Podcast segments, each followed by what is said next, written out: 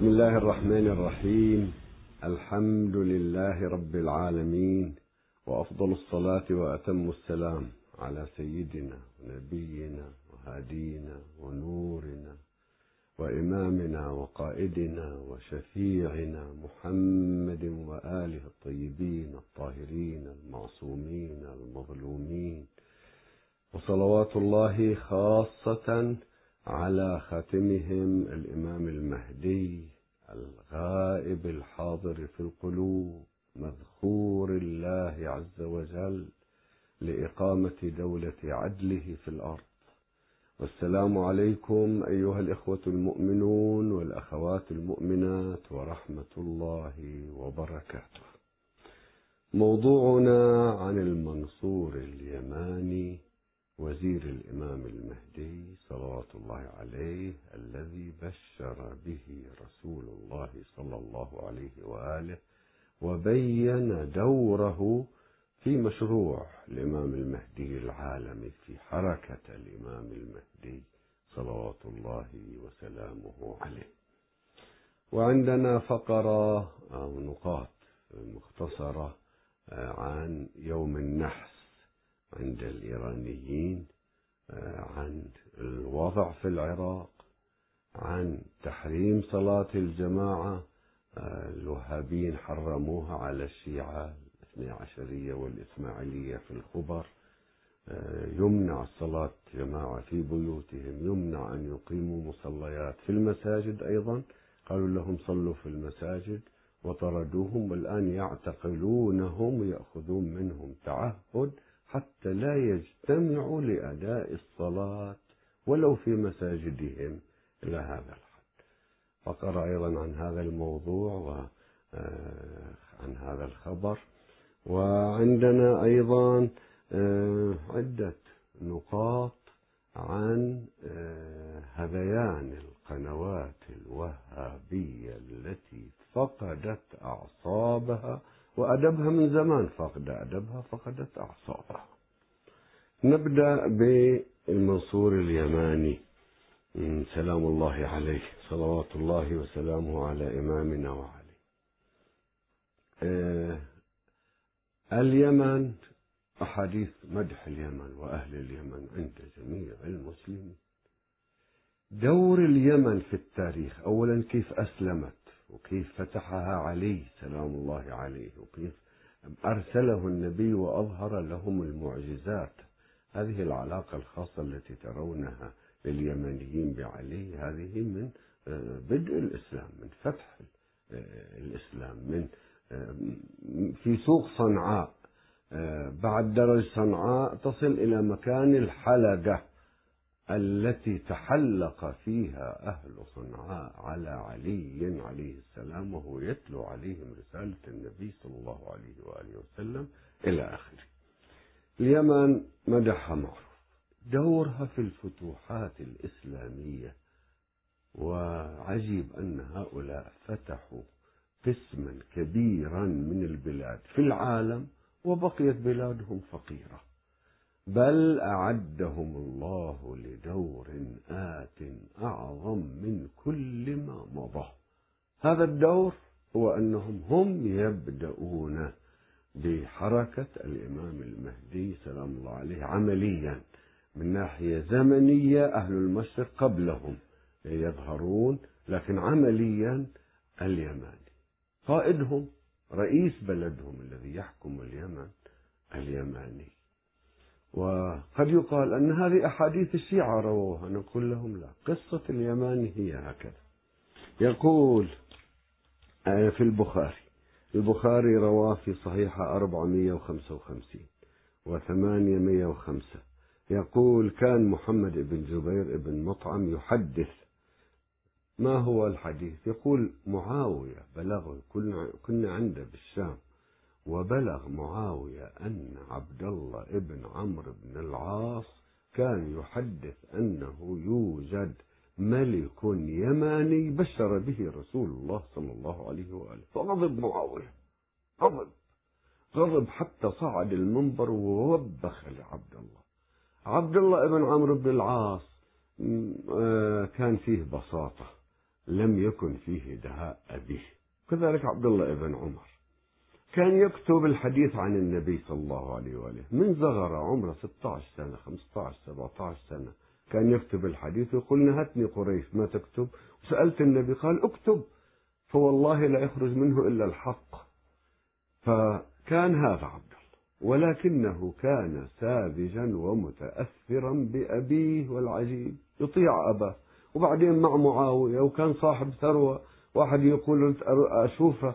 فجئت وجدت عنده 300 بعير جاي للحج ووجدته رجلا قصيرا أعمش ونعلاه في رقبته. قلت لماذا هذه الجمال وهذا هذه الأثقال معه؟ قال له لأقاربه لقومه لكذا لعطائه إلى كان صاحب ثروة كأبيه. المهم كان يحدث. وهذا وهم عندهم ثقة. يقول لما معاوية عرف أنه يحدث صعد المنبر لاحظوا أن عبد الله بن عمرو بن العاص يحدث أنه سيكون ملك من قحطان فغضب معاوية فقام خطيبا. قال أما بعد فإنه بلغني أن رجالا منكم يتحدثون أحاديث ليست في كتاب الله ولا تؤثر عن رسول الله فأولئك جهالكم. طيب اسمع الحديث منه قل له هل رواه غيره؟ هل سمعه غيره؟ أبدا رأسا. فإياكم والأمان التي تضل أهلها. فإني سمعت رسول الله يقول إن هذا الأمر في قريش. لا يعاديهم أحد إلا كبه الله على وجهه.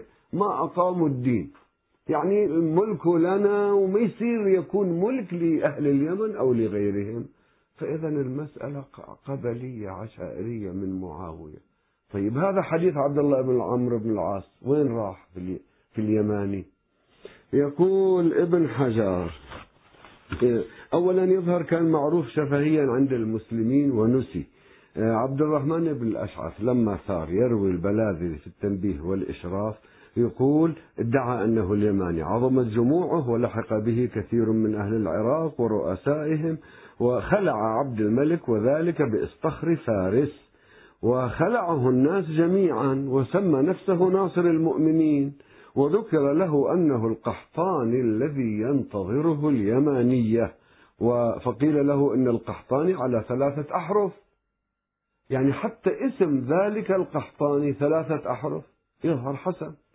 فيقول يقول فقال له قال أنه أنا اسمي عبد والرحمن إضافة.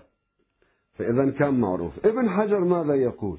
ابن حجر يقول دورت دورت على هذا الحديث ما وجدته آه، الحديث الذي رواه آه، آه، عبد الله بن عمرو بن العاص ضيعوه. ما رواه أحد. بس نهى عنه معاوية كنسا من السنة. ما رووه أبدا. كله والرواة والمؤلفات والبخاري ومسلم والكتب الأخرى على منهج بني أمية. ما رواه من رواه؟ رواه أهل البيت صلوات الله وسلامه عليهم. إذا اليماني عندهم ثابت أن النبي صلى الله عليه وآله أخبر بهذا اليمان الذي يحكم. وأهل البيت عليهم السلام بينوا. عندنا اليماني شخص يحكم اليمن في سنة تقريبا قبل ظهور الإمام المهدي سلام الله عليه هو يرسله ويحكم اليمن ويلتف حوله أهل اليمن كلهم جنوبها وشمالها وشرقها وكلهم يلتفون حوله. ويكون عنده معجزات وآيات وأهدى الرايات. راية اليماني وهو الذي يدخل لما يكون فراغ سياسي في الحجاز يدخل ويأخذ مكة للإمام المهدي سلام الله عليه ويكون له دور في حركة الإمام المهدي سلام الله عليه.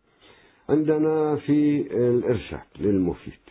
يقول خروج الثلاثة الخراساني والسفياني واليماني في سنة واحدة وليس فيها راية أهدى من راية اليماني تهدي إلى الحق.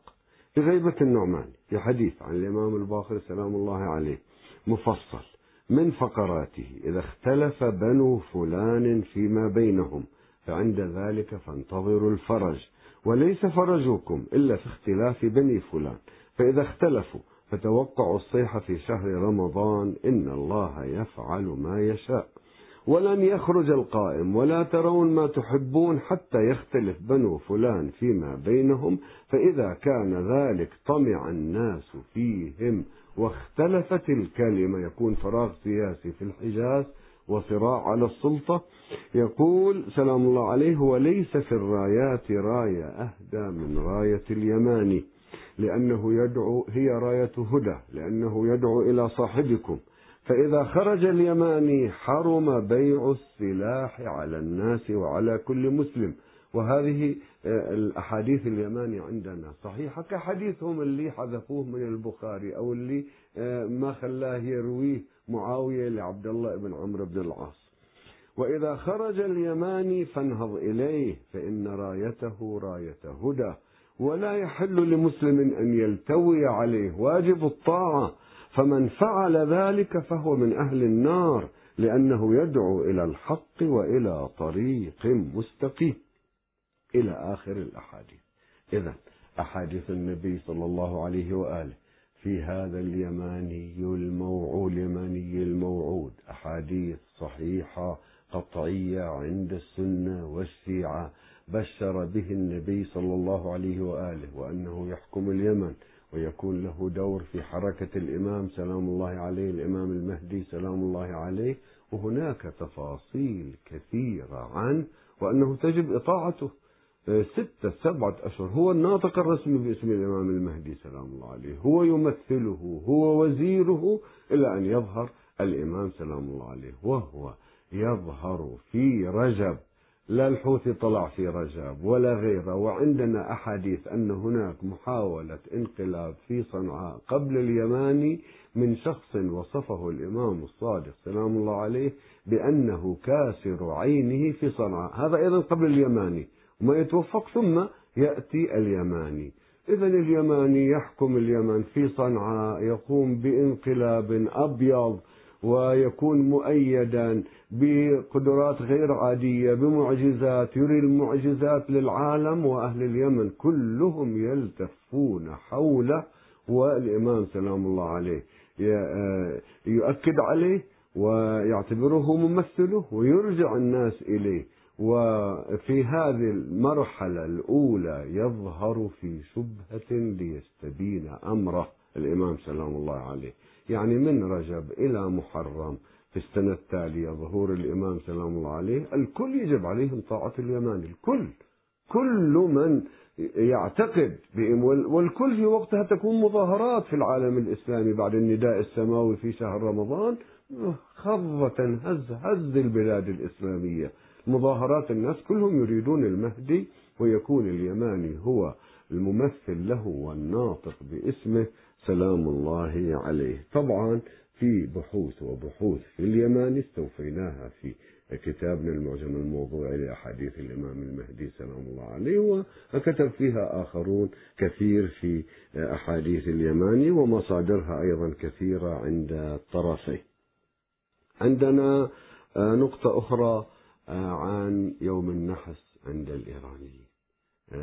هذا اليوم الثالث عشر من الشهر الأول من السنة الشمسية الفارسية. طبعا هو السابع عشر من شهر ربيع الثاني. آه، وهذا نحن نعمل بالأشهر الهجرية القمرية التي بني عليها الأحكام الشريعة والإسلام والإيرانيين أيضا يؤرخون فيها. آه، هذه السنة الشمسية. عندهم النوروز كما ذكرنا عن النوروز وأن النبي والأئمة عليهم السلام ما فتحوا معركة آه، فتحوا مع نظام كسرى ودعا رسول الله صلى الله عليه وآله على كسرى ما عندنا دعاء على الفرس كما تفعل القنوات الوهابية على الفرس المجوس. وكل بضاعتهم هي من هؤلاء الفرس. هم الذين أسسوا المذاهب هم الذين ألفوا الكتب. دعا على نظامهم وليس عليهم. المهم أن النوروز آه، فيه أشياء ظواهر جيدة. هذا اليوم الثالث عشر منه. ومن الظواهر الجيدة صلة الرحم الاهتمام المصالحة بين المتعادين. في ظواهر اجتماعية جيدة. هذا اليوم الثالث عشر يعتبرونه آخر آه، عيد النوروز ويسمونه سزده بدر. سألتهم عن الثلاثة عشر آه، أو كأن معناه رمي الثلاثة عشر. الثلاثة عشر عدد نحس يعتبرونه وهذا ليس فقط عند الإيرانيين كثير من الشعوب والأمم. وسببه ديني سببه أنه نظام الله على الاثني عشرية. نظام الله على الأبراج نظام الله على الحواريين على الأوصياء كأن الثالث عشر الذي يدعي أن الوصاية بعد الرسل هذا نحس اليوم الثالث عشر يعتبرونه نحس عند كثير من الشعوب ويسمونه سزدة يعني ثلاثة عشر. بدر يعني بدر فيها معنى الرمي رمي اليوم الثالث عشر. وفيها بدر يعني النجاة منه آه، إلقاؤه بعيدا دفع شره بهذا المعنى. وطبعا نحن النحوسة والسعودة نحتاج فيها إلى نص كل أمرنا كل أمرنا وحتى الإيرانيين وفقهاءهم وعلمائهم وكل المسلمين الذين هم مقيدون بالنص أمورنا تقوم على النص. أعطونا نصا على العين والرأس. نحن مشكلتنا النص بعد رسول الله صلى الله عليه وآله الناس قالوا قريش قريش ونحن أولى بالنبي من قريش وبالعصاية وبال... إحنا قلنا النص النص إما أن يكون مستندك نصا نبويا يعني وحي وإما قطعي العقل لله على عباده حجة. حجة ظاهرة هي الرسل وحجة باطنة هي العقول. نحتاج إلى قطعي العقل أو النص. النحوس والسعود في الأيام لها أصل شرعي. عندنا بعض الأيام ورد فيها أنه نحس. وبعض الأحاديث عن أهل البيت عليهم السلام تقول لا تعادوا الأيام فإنها تعاديكم. ويقول لواحد إن كان ولا بد أنت تتشاءم من يوم وتعتبره نحس اعتبر اليوم الذي آه، توفي فيه رسول الله صلى الله عليه وآله يوم الاثنين. ليش يوم الأربعاء تتشائم منه؟ اعتبره يوم الاثنين. إذا ولا بد لك. إذا السعودة والنحوسة لها أصل آه، في عندنا مثلا الزواج آه، في أواخر الشهر الهجري القمري مكروه والقمر في العقرب هذا في وقته. إذا دل دليل على نحوسة يوم نقبل نتجنبه ونقول نحس. إذا دل على سعودة يوم أو كان هو يوم مبارك نتبارك فيه ولا مانع من ذلك. هذه نقطة. نقطة أخرى تعليق على آه، الوضع في العراق. آه، في العراق باختصار تكلمنا في ما مضى باختصار أنه عندما آه، عندما جاءت أمريكا وبفتوى وهابية وبطلب وحررت أمريكا الكويت من صدام انتفض الشعب العراقي وكاد يطيح بصدام. تدخلت الوهابية عند أمريكا ومعها البلاد العربية أنه لا تسقط صدام لأنه يأتي الشيعة. ونحن نخاف الوهابية تخاف أن أكثرية العراق شيعة ويحكمون. أمريكا أعانت صدام والوهابية أعانت صدام وقتل ألوفا من الشيعة. كانوا مسيطرين على مختلف مناطق العراق. طيب. ثم رأت أمريكا أنه هي تسقط صدام أسقطت صدام. خلي يصير انتخابات. أصرت المرجعية والسيد السيستاني بما له من ثقل لازم انتخابات. رفضوا. من الذي رفض؟ إخواني الأعزاء يجب أن تعرفوا أنه هؤلاء الدول العربية كلهم يعملون بإمرة الوهابية حتى مصر وحتى سوريا وغيرها يتأثرون بهؤلاء. الذي يرفع الراية هم الوهابية. مشايخ الوهابية والسعودية تخضع لهم. إذا الذين لا يريدون أن يأخذ الشيعة حقهم في العراق هؤلاء. وهؤلاء وصل فيهم الأمر أنهم يعترضوا على أمريكا أنه قدمت العراق على طبق من ذهب لإيران. لإيران من؟ يعني الشيعة في العراق الشيعة العرب أي شيعة يعني إيراني خلاص. عم هؤلاء شيعة عرب عريقين قبائل عربية ما لهم علاقة في لا هؤلاء صفيين فرس مجوس صفويون وإعلام الوهابيين على هذا والحكومة السعودية تسمع لهم. المهم أخروا الانتخابات وأدخل أدخل العراق سنوات في بحر من الدم للتحالف الوهابي البعثي. تحالف البعثيون اللي كان مفتي ابن باز بأنهم كفار ومشايخهم وأنهم صدام حتى لو تشهد الشهادتين والبعثيون حتى يتبرأوا من مبادئ البعث. هم كفار. هؤلاء صاروا أبرار مؤمنين. صار صدام شهد الشهادتين صار مؤمن مسلم شهيد. صاروا البعثيين كلهم أجهزة الأمنية لصدام. تحالفوا مع الوهابيين. الآن جاءوا وجدوا أخيرا علاوي الذي هو بعثي بالكامل بفكره. جزء من نظام صدام نمط تفكير صدام. قبلوه الوهابيين يقبلونه.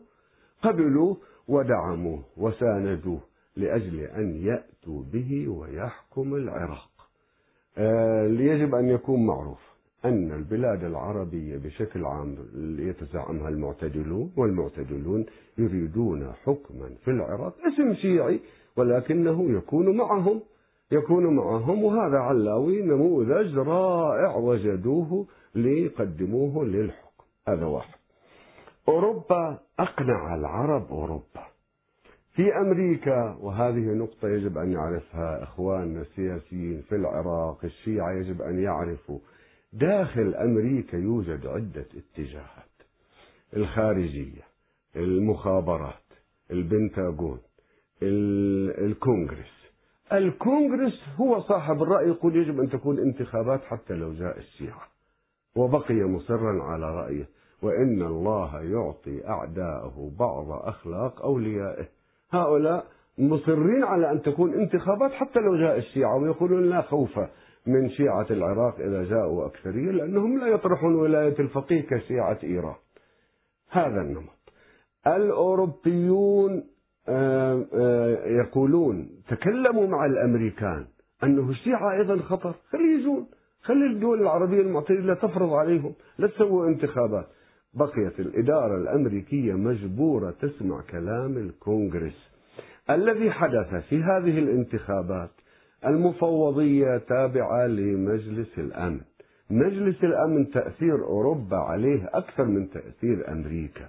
أثرت أوروبا على الأمين العام وبعث مبعوثا إجا ولعب بالبرنامج ولعب بالقوائم وهو الذي أعلن علاوي. أمريكا سكتت لأنه أوروبا تريد البلاد العربية تريد وهي سكتت. أمريكا سكتت عن هذا الأمر. وإلا أصل الموضوع ليس أمريكيا أصل الموضوع وهابيا أوروبيا من الأمم المتحدة. وباعتقادي أن أياد علاوي لا يفرق عن صدام لا يفرق عن أي شخص بالفكر البعثي الوهابي. يمكن يلبس عمامة وهابية لكن هو بعثي. هو من هذا النوع الذي لا يريد أن أكثرية الشعب العراقي الشيعية تكون ممثلة ويكون حكم مدني. لا يريد حكم مدني يريد حكما صداميا باسم الانتخابات. لذلك أنا واجبي أن أنبه. يمكن بعض الأشخاص لهم حسن ظن أنعم وأكرم ذلك إليهم أو يحتاج إلى أن يتكلم ويمدح الله ذلك إليه. لكن رؤيتنا بيننا وبين الله عز وجل يجب أن نقولها أن هذا شخص خطر الأخطر على العراق.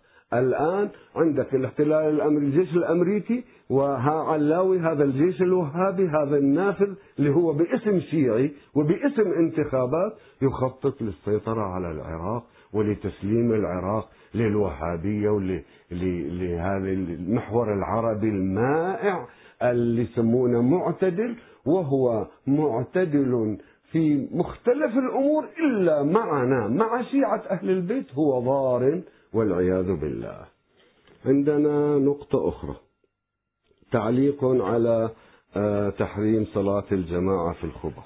يا إخواني الأعزاء هؤلاء آه، لو تعرفون كيف يتعاملون معنا في الخبر. في الخبر عندهم آه، الشيعة وجود وجود الشيعة في الأحساء والقطيف معروف. هذا هذا وجود الشيعة. في الأحساء والقطيف ثقل هم هم أصل البلاد أصل البلاد المختلفة. فمنعوهم. كانوا أول شيء دخل الشيعة في الأحساء والقطيف في الدولة السعودية بشروط دستورية أن تكون لهم الحرية المذهبية. مع ذلك هؤلاء المشايخ ما تركون إلى الآن ما تركون طيب إذا الشيعة خرجوا من الأحساء والقطيف الخبر آه، تأسست جديدا. هذه الخبر تأسست جديدا. يريدون أن يصلوا موجودين فيها. ساكنين. هم مواطنين سعوديين ساكنين فيها موظفين غيرهم. ما لهم حق في مسجد والصلاة؟ ما أعطوه ممنوع. ممنوع مسجد للشيعة. بس يطالبون في مسجد بطهران للسنة. طيب يعطونا حسينيات في الرياض للشيعة ومساجد للشيعة في الرياض. حتى نضغط على الحكومة الإيرانية تعطي إذا في كم واحد سلبي في إيران تعطيهم مسجد أيضا. في الخبر منعوهم. وأول شيء سووا مصليات. أربع مصليات شيعية ومصلى شيعية جعفرية اثنى عشرية ومصلى اسمه للإسماعيليين. ظل يحرك المشايخ الوهابيين وهم بعض المصليات 300 400 من بعض المرات تصل 700 100 مختلف مصليات مختلفة. ظلوا المشايخ يحركون ابن جلوي يحركونه ضد الشيعة حتى أقفل المصليات واعتقل الذين فتحوها. والآن مجددا ماذا تسمع من الخبر؟ هذا الخبر. الخبر كما نقلته نقله موقع شيخ.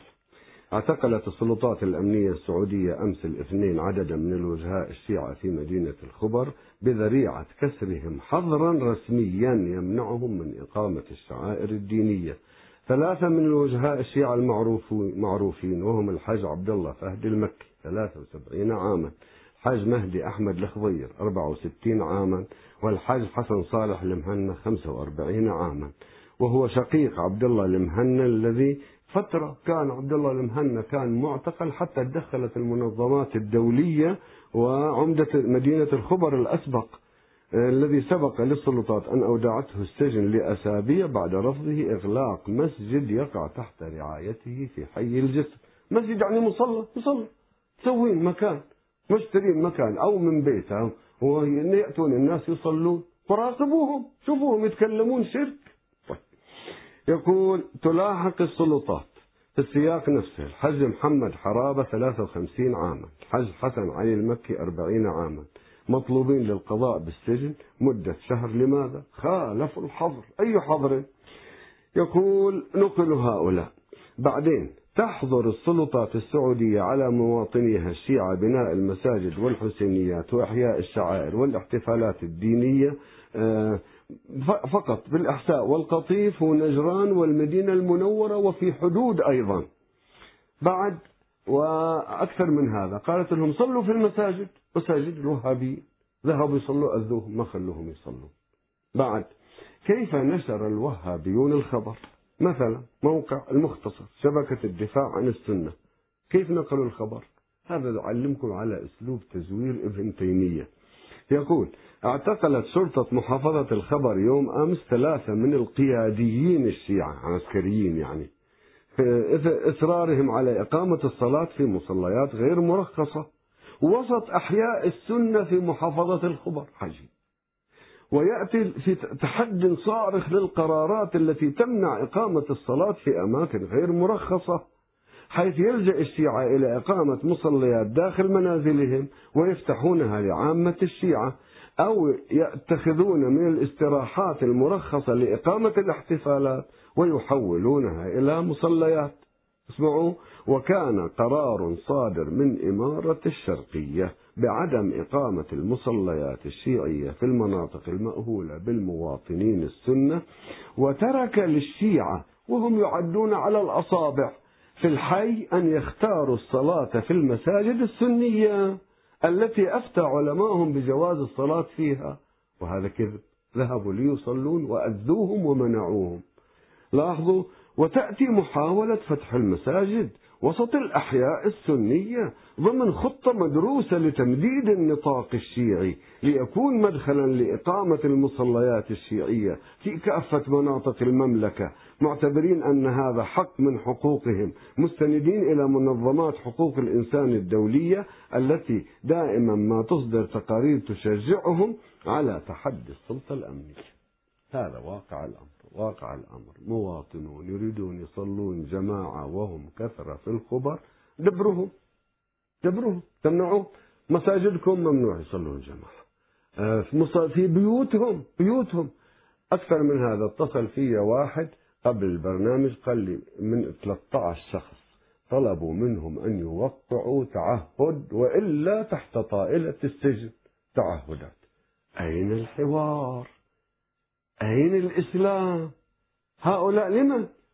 يعني لأن ذنبهم أنهم يصلون للشاب الأمرد هذا هو قل تعال صلوا للشاب الأمرد معبودهم الشاب الأمرد بس نبين مصادره. إلى متى هذا الحد؟ أنا باعتقادي أنه الحكومة السعودية لازم تعرف أن مشايخ الوهابيين يحقنون بها ويضغطون يضغطون يضغطون يريدون أن الشيعة ينفجروا بوجه حكومتهم حتى أولئك يتصيدوا في الماء العكر. هذا الموضوع. هذا يحتاج إلى معالجة عاقلة حكيمة ما عند عقل إداري. أمير المنطقة الشرقية الأمير محمد أو ابن جلوي حاكم الأحساء أو غيره ما عندهم عقل يعالجون هذا الموضوع. مواطنين عندهم حاجات مشروعة لبوا لهم إياها وحلوها لا تخلوها. وهذا الأسلوب الوهابي في إعلان الخبر. واقع الأمر أنهم جماعة ليس فقط في الخبر في عدة مناطق من السعودية ضغوط متعددة عليهم من ممارسة أقل حقوقهم الطبيعية.